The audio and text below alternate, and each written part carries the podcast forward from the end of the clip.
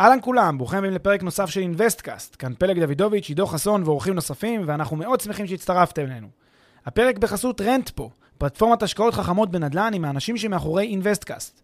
רנטפו מאפשרת לכם להשקיע בשקיפות וביעילות בנכסים מניבים, תוך ליווי וניהול מוקפד ומקצועי מקצה לקצה. היכנסו ל-rentpo.com, חפשו השקעה שמעניינת אתכם ותאמו איתנו פגישה דיגיטלית. בנוסף, לפני שנתחיל, נזמין אתכם להצטרף לקהילת המאזינים של אינוויסטקאסט בפייסבוק. חפשו אינוויסטקאסט בשורת החיפוש והצטרפו לקהילה. ועכשיו לפרק נוסף של אינוויסטקאסט.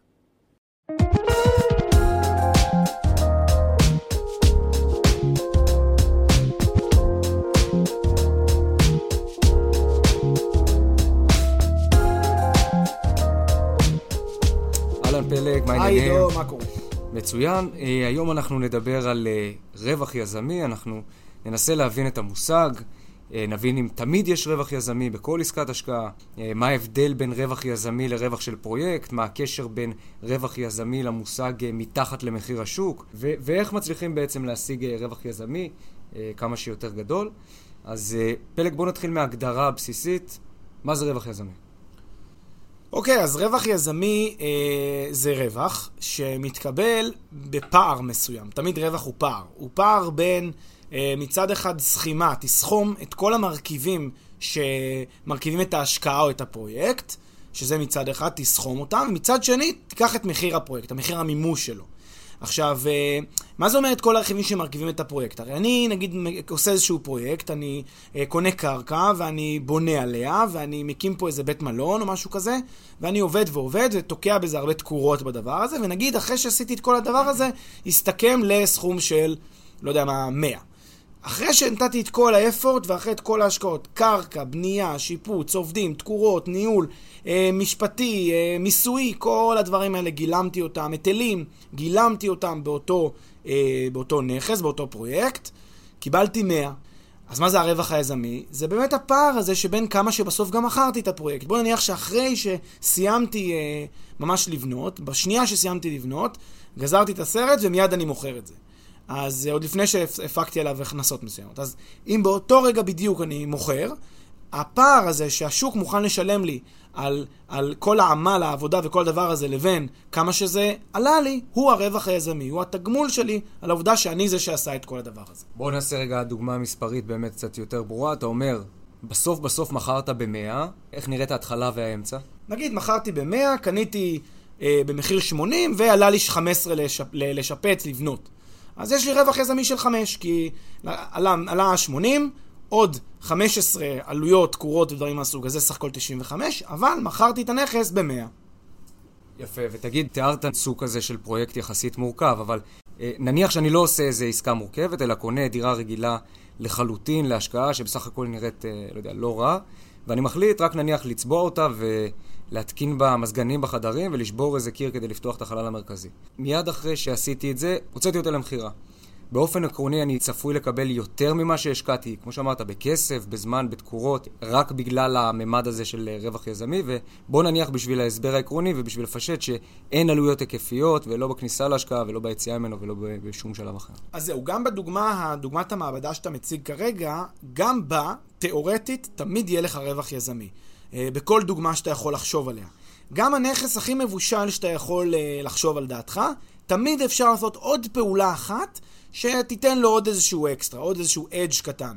הרווח היזמי לא חייב להיות גדול, הוא לא חייב להיות משמעותי, אבל uh, כל זמן שאתה uh, uh, קונה איזשהו נכס, איזשהו מוצר השקעה, אתה תמיד יכול לעשות איזושהי פעולה וליצור באמצעותה איזשהו רווח יזמי. אפילו אם תיקח נגיד דירה, שזה עתה סיימה שיפוץ, זה עתה סיימה uh, תהליך של השבחה ואפילו ראייתו אותה יפה, תמיד אפשר, לא יודע מה, להוסיף לה עוד ריהוט יפה, להוסיף לה עוד איזה, להתקין במזגן שלא היה קודם, להוסיף בה עוד כמה פעולות שמצריכות עוד איזושהי דקורציה, עוד איזשהו תכנון אדריכלי פתאום אתה מכניס, אתה עושה עוד ועוד אלמנטים, בכל אלמנט כזה יש רווח יזמי מסוים לגזור, רווח יזמי מסוים להפיק. עכשיו שים לב, הנקודה היא, תזכור תמיד הרווח היזמי הוא הפער.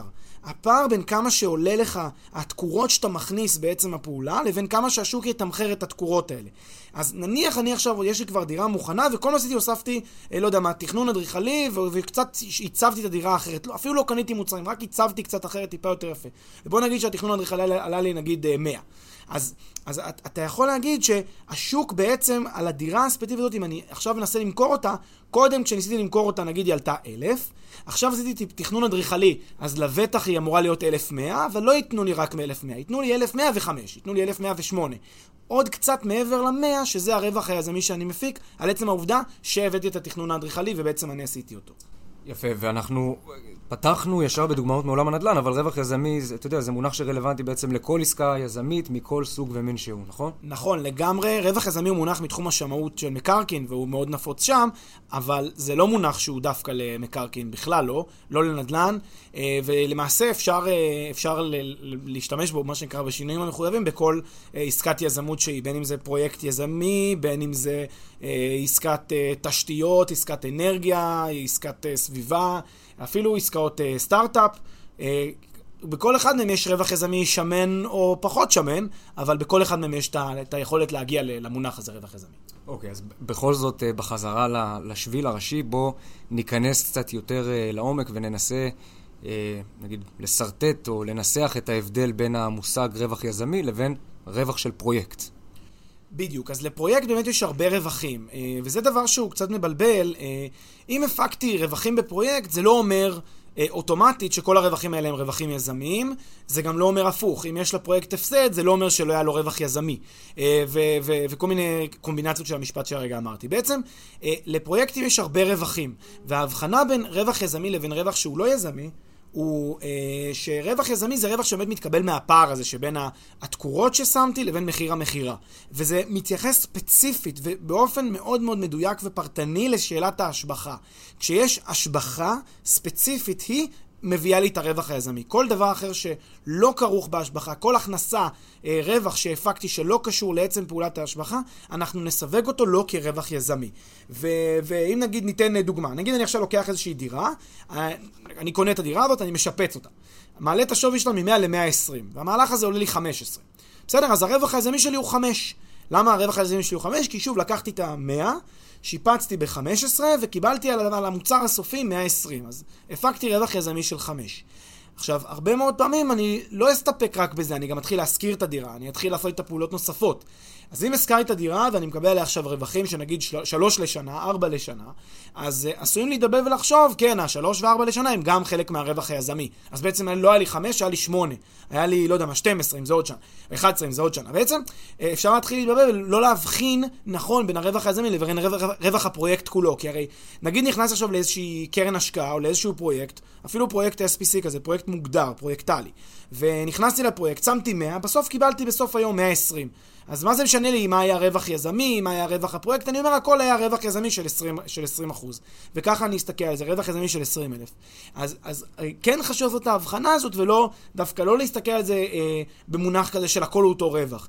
יש לזה חשיבות, ורווח יזמי תמיד זה ההשבחה עצמה, הרווח של הפרויקט זה יתרת, זה הרווחים הנוספים. זה בדיוק מה שרציתי לשאול אותך, למה בעצם יש לזה חשיבות? למה חשוב להבין את ההבדל הזה בין רווח יזמי לרווח של הפרויקט, ולא להתייחס פשוט לעלייה של ה-20%? אם עלית 20% מעל מה שהשקעת בסך הכל, מה זה משנה בעצם? או, פה קבור הכלב, כי כשאני מסתכל על רווח שהוא לא רווח יזמי, אה, ואני מנסה לפחות לתכנן את המשמעות שלו, אז מראש, מלכתחילה, אם אני מסתכל על רווח שהוא רווח יזמי, אז כדי שהרווח הזה יתקבל, ביוד, כן, יתקבל בעתיד, אז צריך שהמיזם יצליח.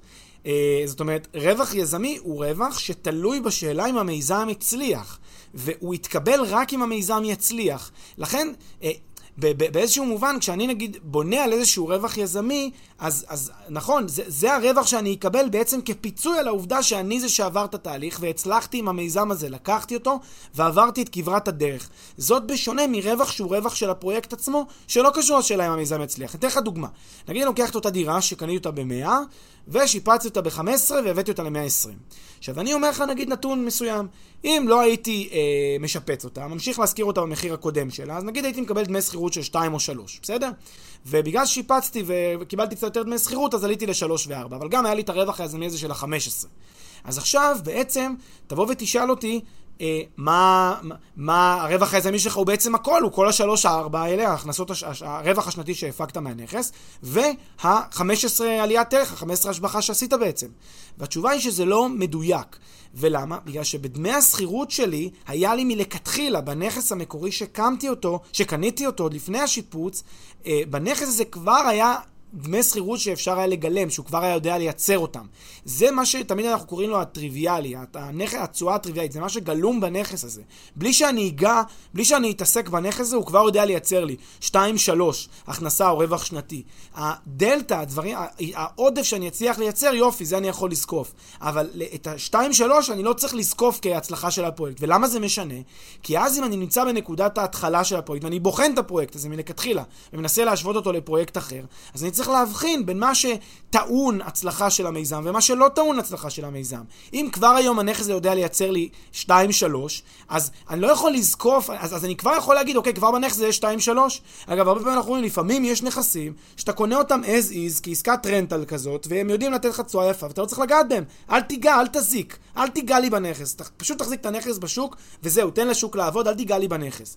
והנקודה הזאת, כאילו, אתה אומר, עכשיו בא מישהו ועושה מין כזה תרגיל תרגיל כזה, בונה ועושה לי כאלה תרגילים, אומר, תראה, עליתי פה חמש-שש דמי שכירות, שיפרתי לך את הדמי שכירות משמעותי. לא, לא, אתה לא צריך לגעת. כל ההתעסקות שעשית, הוסיפה עוד אחד-שתיים לדמי שכירות, אבל באיזה סיכונים גדולים סיכנת אותי? פגעת לי בדמי השכירות, היית מסכן לי את האפשרות לגבות פה אה, דמי שכירות וכולי, פגעת לי ברווחים שהם גם ככה גלומים פה. אז אה, בגלל זה חשוב להבחין בין הרווח היזמי, שהוא רווח שהוא תלוי השלמה, תלוי התממשות המיזם הזה, לבין רווח שהוא לא יזמי, רווח הפרויקט עצמו, הבסיס שלו, שהוא אה, אינהרנטי לנכס, ולמעשה גם אם, בלי, אם לא הייתי נוגע בנכס, הייתי אמור לקבל אותו בלאו הכי.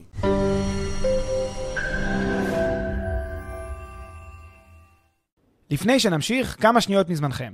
הפרק בחסות רנטפו, פלטפורמת השקעות חכמות בנדל"ן עם האנשים שמאחורי אינוויסטקאסט. רנטפו מאפשרת לכם להשקיע בשקיפות וביעילות בנכסים מניבים, תוך ליווי וניהול מוקפד ומקצועי מקצה לקצה. היכנסו ל-rentpo.com, חפשו השקעה שמעניינת אתכם ותאמו איתנו פגישה דיגיטלית.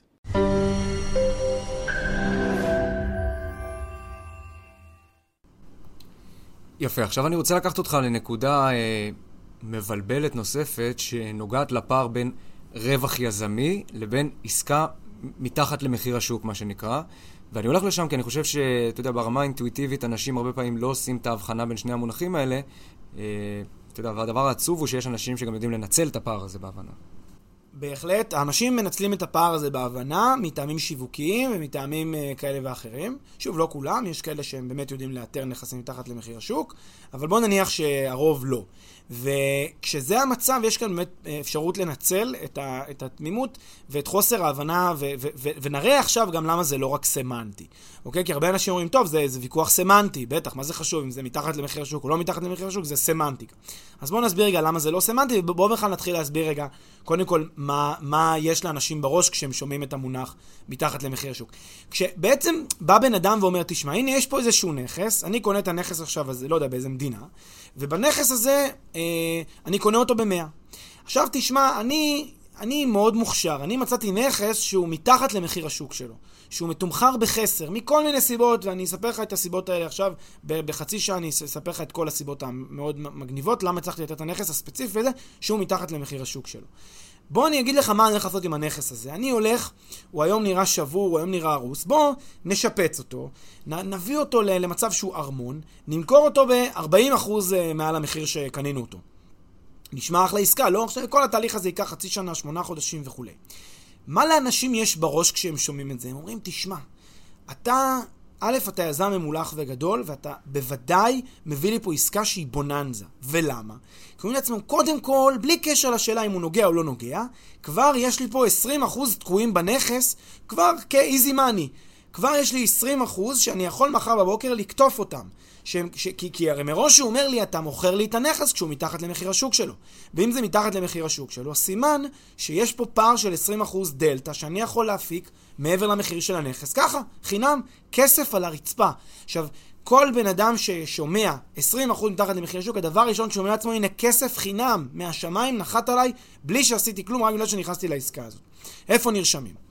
מה, זה מה שיש לאנשים בראש שהם שומעים אותם מתחת למחיר השוק. על מה בעצם התכוון אותו יזם מלכתחילה לומר? מה הוא התכוון לומר? לא יצא לו טוב, לא יצא לו מדויק. לא יצא לו נכון משפטית, לא יצא לו נכון כלכלית, לא יצא לו נכון... ולמעשה, שיגידו, גם יצא לו מטעה קצת. למה? הוא התכוון לומר שהנכס הזה לא מתומחר היום מתחת למחיר השוק שלו. הוא לא מתומחר היום בחסר, 20%. הוא מתומחר בדיוק כפי שהוא אמור להיות מתומחר. אלא שכאשר היזם יבצע את השיפוץ של הנכס, ילביש אותו, ירהט אותו, יאדרכל אותו, יעשה לו את כל הפעולות שהוא צריך לעשות, ברגע שהוא יסיים את הדבר הזה, אז הנכס המוגמר יהיה נניח 20% מתחת למחיר של נכס דומה שכבר השלים את התהליך הזה. הוא יהיה 20% יותר, זאת אומרת, הוא מגלם, בעצם העובדה שאני מביא את הנכס למצב שהוא אחרי השיפוץ, בעצם הפעולה הזאת, אם אני מצליח להגיע לשם, אז אני מגיע לנכס שהוא בעצם 20% מתחת למחיר השוק שלו. מה זה בעצם אומר, אם אנחנו מבינים את הפרק הזה כמו, ש, כמו שניסינו להסביר אותו? זה בעצם רווח יזמי. זאת אומרת, אותו בן אדם אומר לי, מה שיש לי כאן זה לא עסקת מתחת למחיר השוק, אלא זה עסקה יזמית בנדל"ן, שעל פי תנאיה, אנחנו צריכים לקנות קרקע, לקנות נכס ישן על הקרקע, לקנות ציוד, לקנות עובדים, לקנות אה, צוות משפטי, חוזים, טה-טה-טה-טה-טה, קונים את כל הדבר הזה, ועכשיו השוק את המוצר הזה מתמחר 20% יותר. אז יש לנו כאן 20% רווח יזמי שאפשר ליהנות ממנו. וכשזה הסיפור, אז הסיפור הוא לחלוטין שונה ב-180 מעלות ממה שהוא, ממה שהוא אמר לי מלכתחילה. למה? כי אם עכשיו הפעולה, ש... אם, אם התוצאה הזאת של ה-20% תתקבל רק אחרי הפעולה היזמית, אז זה בעצם הרווח היזמי. זה אומר שכדי שאני אקבל את הכסף הזה, צ... המיזם צריך לקרות, הוא צריך להתממש, הוא צריך להצליח. אם המיזם לא יצליח, אין לי את הכסף הזה. ולכן כשאני קונה מלכתחילה, מראש, אני... אין לי כסף שעל הרצפה שמחכה. למה בכלל התעורר הנקודה הזאת? למה בכלל התעורר... למה התעוררה לי הדילמה הזאת, השאלה הזאת בכלל בראש? היא התעוררה בגלל ההבנה הזאת של רגע, אם באמת אתה מציע לי, מציע לי נכס ב-20%, למה, למה, למה לי לחכות עד לרגע שנעשה פה שיפוץ? אז כאילו בוא... אם אתה באמת כל כך מומחה בלמצוא את אותם אנשים עריריים שרק מחכים להיפטר מהנכס שלהם ולתת לי מתנות של 20% מתחת למחיר שלהם. אם זה מה שאתה עושה כביזנס, ואתה מומחה בזה, אז בוא נעשה מזה עסק, אנחנו מחר, אה, מחר אנחנו וורן באפט. עם, עם כמות הכסף, נסחה מרוב כסף, למה? כי מה שנעשה, אתה מוצא את הנכס, אני מוכן לממן את זה, הרי מה אכפת לי? אתה מביא לי כסף חינם, הרי אתה מוצא לי נכס שהוא 20% מתחת למחיר שלו, לא נגמרת העסקה, אני כבר מוצא לך קונה שיקנה מאיתנו ב-10% מתחת למחיר, הרי גם הוא מרוויח, מה אכפת לו? גם הוא יש לו כסף חינם. עשינו דלתא של 10% בכמה? בחצי שעה. בשעה עבודה עשינו דלתא של 10% במחיר. עכשיו תגיד לי, טוב, יש גם הוצאות של אה, למכור וכולי, בסדר, אז, אז, אז אני מוכן גם להרוויח לא, לא 10%, אני מוכן להרוויח 5%. מה זה בדקה? 5% בדקה, תראה לי מי יודע להרוויח 5% על ההון שלו בדקה. או, ב, או ביום עבודה. אף אחד לא יודע לעשות דבר כזה. אבל לפי השיטה הזאת שאתה מציג אותה, הדבר הזה אפשרי, כי אתה אומר, הנה, מראה לך נכסים מתחת למחיר השוק, אז בוא תקנה אותם, וניתן יהיה בעצם להפיק את הרווח העודף הזה בזמן מאוד מאוד קצר. לכן, כש, כששאלת קודם בעצם, כש, כשאותו יזם מציג את הסיפור ככה, במובן של מתחת למחיר השוק, כן, זה באיזשהו מובן זה משרת אותו שיווקית, אבל זה, הרבה פעמים זה לא האמת, הרבה פעמים זה שגוי. כי, כי בפועל מה שיש כאן זה נכס שאחרי השיפוץ שלו, אחרי המיזם, הוא יהיה בעצם ישקף רווח יזמי של 20%. כיום הנכס נמכר בדיוק במחיר השוק שלו, מחיר השוק של נכסים במצבו. יפה, אז אם אני מנסה לסכם ככה בשני משפטים את מה שאתה אומר, אתה אומר, בהנחה שלא נתקלנו בעסקה שבאמת מתומחרת בחסר, אתה יודע, שיום למחרת אני יכול למכור את הנכס במחיר גבוה יותר ממה שקניתי, בהנחה שזה לא המצב, אז כשאומרים לי מתחת למחיר השוק, אני צריך להבין שבעצם מתכוונים לעסקה יזמית עם רווח יזמי פוטנציאלי וכמובן סיכון. בהחלט. יש גם, אה, יש גם אנשים שיודעים להראות לי אה, מוצרים שהם אה, מתומחרים בחסר. בן אדם יכול להגיד לי, תשמע, אני רואה מניה, אני יודע, כי אני איש פנים, אני יודע שבמניה הזאת יש מחר בבוקר הולך לצאת, לצאת הודעה בבורסה והיא מתומחרת בחסר. אני יודע. הנה, זאת עסקת מתחת למחיר השוק, כן? כי, כי אנחנו יודעים שהמחיר הולך להיות, כי אם יש לך מידע פנים, אז אה, בסדר, אז אתה עבריין, אבל אם יש פה, אם יש פה אה, נכס שנמצא מתחת למחיר השוק שלו, ואני יודע את זה כ, כ, כדבר שבעובדה, אז יכול להיות מצב כזה. אני לא אומר שזה לא קיים. אני רק אומר שבמצבים שבהם כאשר, אני אגיד לך איך תוכל לבדוק את זה, זה מאוד פשוט. תגיד לאותו יזם, אין בעיה, אני מאוד מאוד רוצה להתקדם לעסקה הזאת, רק, רק אני מבקש לך בקשה אחת, בוא מחר נמכור את הנכס. בוא, לא רוצה שיפוץ, עזוב את השיפוץ, בוא מחר נמכור את הנכס כמה שיותר מהר, וגם נוותר על ה... הס- לא, לא, לא נעלה את כל ה-20 עליית ערך. בוא בוא נעלה צנוע, נעלה 10% עליית ערך, מה אכפת לך? אם הוא מגמגם, מהסס, מתלבט, כן יודע, לא יודע, סימן שהוא גם יודע בתוך תוכו שזה המחיר ההוגן של הנכס. אותו דבר אם מישהו בא ואומר לך, תשמע, אה, אני מאמין שהמניה הזאת תעלה ככה וככה וככה, אז אתה יכול להגיד לו, אז, אז למה, למה, למה צריך זה? בוא נקנה ותוך חצי דקה אני מוכר לך. לך אני אמכור את המניה הזאת במחיר שהוא יותר, הרי, אתה מבין, כאילו, אם אתה מאמין שהיא זולה יותר, אז בוא, אני, אני אקנה ואני אמכור לך את המניה עוד חמש דקות, במחיר שהוא יותר זול מאשר, במחיר שהוא קצת יותר יקר מאשר מה שאני קניתי. וגם לך יש פה הרבה אפסייד לעלות. למה אתה לא מוכן לקנות? ואז אתה בעצם, אתה כאילו חושף אותו במערומה, ואתה מראה לבן אדם, כן, אוקיי, אז זה לא באמת מתחת למחיר, זה בדיוק במחיר. אה, ו- ובאמת יש, ה- יש תפיסה כזאת מאוד אה, כלכלית, גם, גם עשינו, כמובן דיברנו על זה לא, לא פעם באינבסטקאסט, תפיסה כזאת של הרבה אנשים בעולם הנדל"ן, שנדל"ן זה מין כר פורה לעסקאות כאלה מאוד מיוחדות של נכסים שמתומחרים בחסר, ורק צריך לדעת ל- ל- ל- לדפוק על הדלתות הנכונות, ולמצוא את אותה אה, גברת מבוגרת, או את אותו אדם ערירי, שמנסה להיפטר מהנכס שלו, והוא לחוץ לכסף, או לא יודע מה, הוא חייב כסף למלא מלא נושים. אה, הדברים האלה בהחלט קיימים, אנחנו לא מתכחשים לזה, אנחנו אומרים שכשזה יהיה המצב, א', כנראה זה לא יתגלגל לאוזניך כמשקיע פסיבי, סביר להניח שלא, אולי כן, אבל ברוב המקרים זה כנראה לא המצב, ו- ויותר חשוב מכך, אם אני הייתי יודע את זה כבן אדם שמתעסק נגיד בנדל"ן, והייתי רואה שיש מישהו שמוכר לי יותר בזול, אז הייתי פשוט קונה את זה לעצמי, לא הייתי, הייתי מביא כסף מהאדמה, מוציא כסף. כי אם יש לי כסף על הרצפה, למה לי כאילו להתחלק איתו עם מישהו? הייתי מביא את זה בעצמי בחמש דקות וסוגר את העסקה הזאת. בלי כל ה... זה בוודאי שלא הייתי הולך, וזה חשוב, בוודאי שלא הייתי הולך לפרויקט יזמי ושיפוץ ו- והתעסקות, כי בשביל מה לה- לה- לאכול את התשואה? תשואה מדהימה, אם אני קונה ומוכר תוך שנייה, זה, זה עסקת בוננזה, אין, אין, אין, אין עסקאות כאלה. יפה. אה, אז אני רוצה לשאול עוד שאלה אה, לגבי אה, ההבדל ברווח היזמי בשווקים משוכללים לבין שווקים משוכללים פחות, ואם יש הבדל כזה, וככה נשמע שיש, אז למה הוא קיים ועד כמה הוא גדול. ככה, אז קודם כל צריך להבין שיזמים אה, בכל העולם מתוגמלים על הרווח היזמי. הסיבה שיזם עושה מיזם זה כי הוא עובד על הרווח היזמי עצמו של הפרויקט. זאת הסיבה שבגללה יזם אה, עובד. עכשיו, אה, בדרך כלל, כשיש לי שוק, אז יש גם יזמים בשוק הזה, מטבע הדברים, לא רק קונים שהם לא יזמים. עכשיו, כשיש הרבה יזמים בשוק הזה, הם בעצם מתחרים ביניהם על מה? על אותו רווח יזמי. למה? כי בסוף תחשוב, היזם עצמו, מה יש לו? מה, מה היכולת שלו? מה, מה היתרון היחסי שלו? היתרון היחסי של היזם זה לדעת לעשות את הפרויקט הזה טוב, לדעת לעשות אותו זול, לדעת לעשות אותו יעיל, מהר, איכותי. זה היתרון היחסי של היזם. כשהוא ידע לעשות את זה טוב, הוא יתוגמל יותר, זה התמריץ הכלכלי שלו. עכשיו, בוא נניח שיש איזה... אה, הדוגמה הכי יפה שאפשר לראות את זה בדוגמה של נגיד אה, מכרז של המדינה לאיזה קרקע. המדינה באה ואומרת, יש קרקע לבנייה, ככה וככה יחידות וכולי.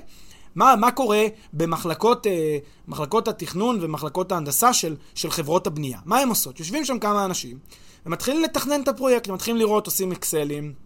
וכל מיני מערכות של uh, תכנון, ומנסים ל- לראות כמה זכויות אפשר לבנות, וכמה יחידות אפשר, ובכמה הם יתמחרו, וכמה אלה להם תקורות השיווק, וכמה אלה להם תקורות ה... uh, לא יודע, המשפטיות, ותקורות הנדסיות, וכמה יעלה, וכמה כמובן הבנייה, כמה יעלה להם להרים את הפרויקט הזה. וכשהם כל הזמן מנסים להגיע למצב שבו הם מנסים אה, בסופו של דבר למזער את העלויות. אבל אח... בוא נגיד שהם הגיעו לאיזשהו, לאיזושהי עלות, שהיא העלות המינימלית שהם יכולים להגיע בחברה שלהם. כי אין להם פחות מזה, כי זה, זה האילוצים שיש להם בחברה שלהם. והעלות המינימלית שהם הצליחו להגיע, נגיד היא 100. אז עכשיו הם אומרים לעצמם ככה, אם אני אציע עכשיו, אני צריך להשתתף במכרז הזה, והמכרז בוא נניח שהוא מבוסס על המחיר הנמוך. מי מציע את המחיר הכי נמוך? לקנות מהמדינה את הקרקע ולהיכנס לבנייה הזאת. אז אם אני הגעתי למסקנה שהמינימום שלי זה 100, אני לא אציע הרי, בשום סיבה שבעולם אני לא אציע פחות מ-100. אם אני אציע פחות מ-100, אני בעסקת הפסד. זה ברור מאליו, אלא אם כן תגידו לי, תשמע, בסדר, זה פרויקט ראשון, אני אפסיד קצת, אני כאילו אסבסד את הפרויקט הבא, בסדר גמור, אני, אני, הפרויקט הבא יסבסד את זה, לא חשוב. אז יש עוד אנשים שאומרים, טוב, תשמע, עדיף בשביל מוניטין רב שנים, כדאי להיכנס לעסקאות הפסדיות. בדרך כלל זה לא המצב. אם העלויות המינימליות שלי הן 100, אז קרוב לוודאי שאני אציע באותו מכרז 100 ומעלה. עכשיו, כמה ומעלה? כמה ומעלה הזה. עכשיו, בוא נניח שיש יזם אחר, ואצלו המינימום הוא לא 100 או 103, ויש יזם אחר שהוא 97, ויש יזם אחר שהוא 96. כולם תסכימו איתי שלפחות הם יהיו פחות או יותר באותו סקאלה, באותו סקאלה של מספרים. לא יהיה כנראה יזם שממש עושה את זה הרבה יותר טוב, שבאמת, אלא אם כן הוא באמת יוצא דופן. אבל בגדול כולם יהיו סביב המאה. ואז עכשיו השאלה היא, זה, זה כאילו השאלה הכמעט כלכלית אה, במרכאות חזירית, כמה היזם הוא חזיר, כמה היזם הוא רוצה להתעשר מהעסקה הזאת, כמה זה, זה מה שהוא רוצה להפיק. ואם הוא צנוע, ואם הוא רוצה פחות, אז הוא, אז הוא ידע, אוקיי, אני יודע, זה עולה לי 100, ואני ככה אציע 105. אני אסתפק רק ב-5% רווח. ואחר, שזה עולה לו 97, אולי הוא לא יסכים בפחות מ-110, כי הוא אומר, בשביל כל ההתעסקות הזאת, אם אני לא מקבל 13 רווח יזמי, אין לי סיבה בכלל להיכנס לסיפור הזה. אז כל אחד בעצם יעשה את ההתמחרות במכרז הזה ובאיזה סכום להציע, על בסיס השאלה מהו בעצם, בעצם, הרווח היזמי שהוא מוכן לקבל. כי אם לכולם זה פחות או יותר סביב המאה, אז עכשיו זו שאלה כמה רווח יזמי אני אוכל לקבל. נכון, יש גם את העניין של העלויות, אבל בואו נסכים שהן יותר שוליות. בסוף זה שאלת הכמה רווח יזמי אני רוצה לקבל, ולכן ההתמחרות בשווקים בדרך כלל היא על שאלת הרווח היזמי. עכשיו, כשמבינים את ההיגיון הזה, גם קל מאוד להבין למה בשווקים שהם לא מכרז, שזה מעין מונופול, שהמדינה מוציאה קרקע וזה מונופול עכשיו, היא עושה מכרז בין 5-6 קבוצות שמשחקות, לשוק המפותח, שזה שוק הרזידנציה, שוק המגורים, שיש בו מאות אלפי מיליוני שחקנים בשוק הזה, למה בשוק כזה באמת יש הרבה יותר תחרות על הרווח היזמי, כי תחשוב, הרבה מאוד אנשים עושים את אותה קלקולציה שהרגע אמרנו, כל אחד חושב כמה העלויות, כל אחד חושב כמה להציע לנכס, ועושים מעין ביד רעיוני מול המוכר, והמוכר עכשיו מציע לי את הנכס, אני צריך לחשוב כמה אני מוכן לתמחר, כשמה הפלאג נאמבר, מה, מה, מה, על מה אני אוותר? אם, אם, אם אני זה, בהצעה שלי, מה הדבר שאני מוכן לוותר עליו? הרווח היזמי. וזו בדיוק הנקודה. אז כשהרבה שחקנים מתחרים בשוק מסוים, הדבר שיהיה בסופו של דבר התוצאה זה שהרווח היזמי ילך ויישחק, ילך ויקטן. ככל שבשוק יש יותר שחקנים, ככה הרווח היזמי יקטן. ככל שיש בשוק אה, פחות שחקנים, ככה הרווח היזמי יגדל. וזה מתכתב עם השאלה שאתה שאלת. השאלה שאתה שאלת היא, הקשר לשווקים משוכללים, וזו באמת נקודה חכמה, כי שווקים משוכללים הם באמת שווקים שבהם יש הרבה יותר שחקנים, וכשיש הרבה יותר שחקנים, אז הרבה יותר אנשים מתחרים, וכשהרבה יותר מתחרים, אז הרווח היזמי הרבה, הרבה יותר נמוך. ולכן דווקא בשווקים משוכללים, באופן פרדוקסלי, הסיכוי להפיק רווח יזמי גבוה הוא נמוך יותר. דווקא בשווקים הלא משוכללים ההזדמנות להפיק רווח יזמי גבוה יותר, כי יש פחות שחקנים שמתחרים על אותו רווח יזמי.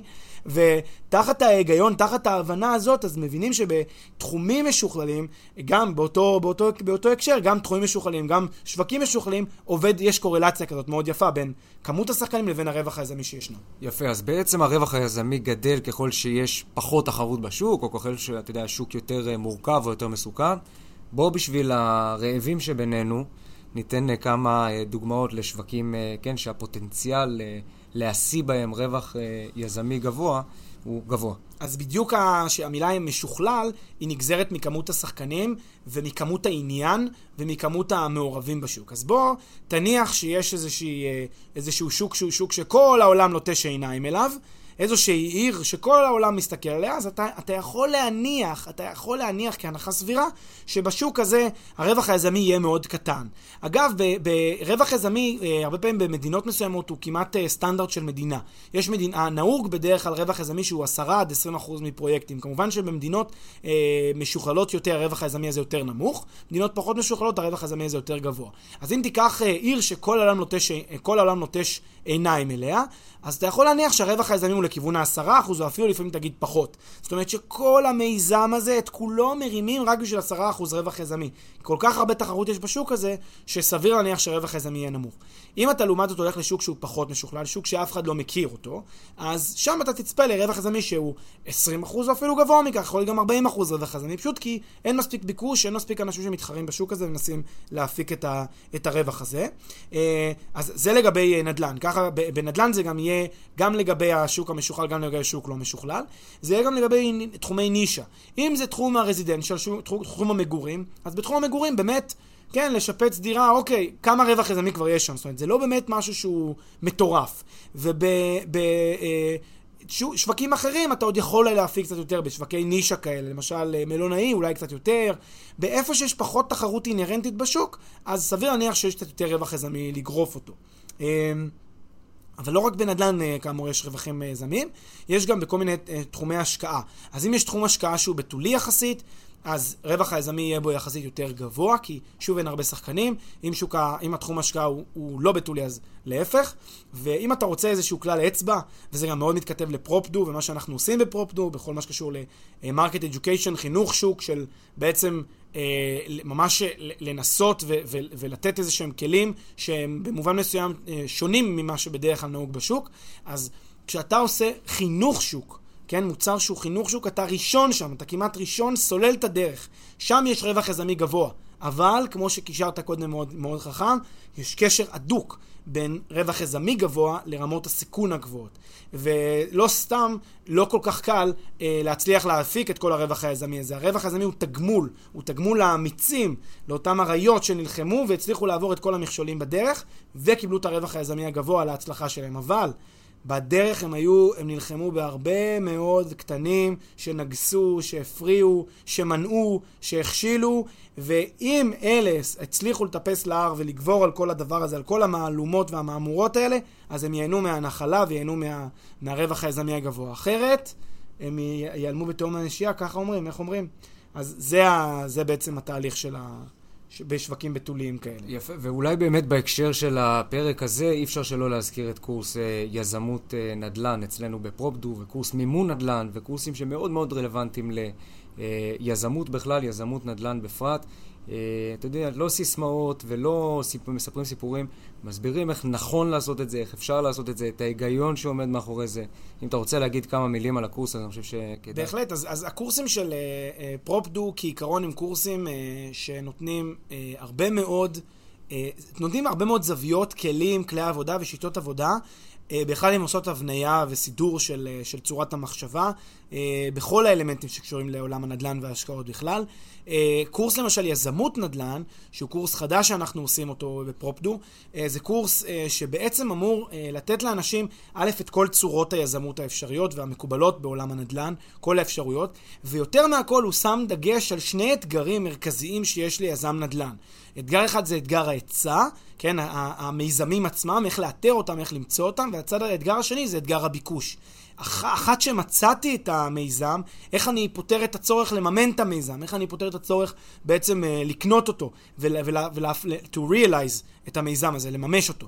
אז uh, הקורסים האלה הם באמת קורסים, uh, הקורס הזה של uh, יזמות נדל"ן באמת מתכתב עם מה שכאן נגענו בפרק, כי באמת יש שם התייחסות מעמיקה ללכידת הרווח היזמי, להסבר של איך בעצם מפצחים אותו, וגם איך נראה המודל הכלכלי מאחורי רווח יזמי. זה, אנחנו ממש מקדישים שיעור לנושא של מודל, מודל כלכלי של רווח יזמי, איך מגיעים אליו, איך מחלצים אותו, למה זה פלאג נאמבר כמו שאמרנו.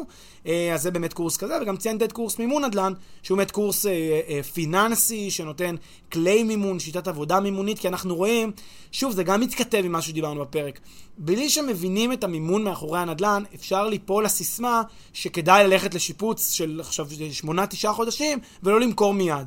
אבל כל אדם שיודע מימון קצת, מבין שלחכות שמונה חודשים בשביל לעשות אוקיי, אז, אז, אז לעשות אולי עוד קצת כסף, אז מה? אבל אם אני יכול מחר למכור, אם עליתי עשרה אחוז בערך בתוך שעה, אז התשואה שלי היא פנומנלית, היא אינסופית. אז בוודאי שעדיף לי לקצר את ה... את, ה, את הזמן ולא לחכות. אה, ולכן זה מה שעושה קורס אימון אדם, הוא נותן את, ה, את הכלים, את הטיפים האלה המאוד ספציפיים, שנותנים לך את הערך המוסף, ומאפשרים לך להבין בדיוק מה אתה עושה בשדה הזה המאוד מעניין, יט סבוך הזה שנקרא נדל"ן. תודה רבה, פיני. תודה רבה, עידו.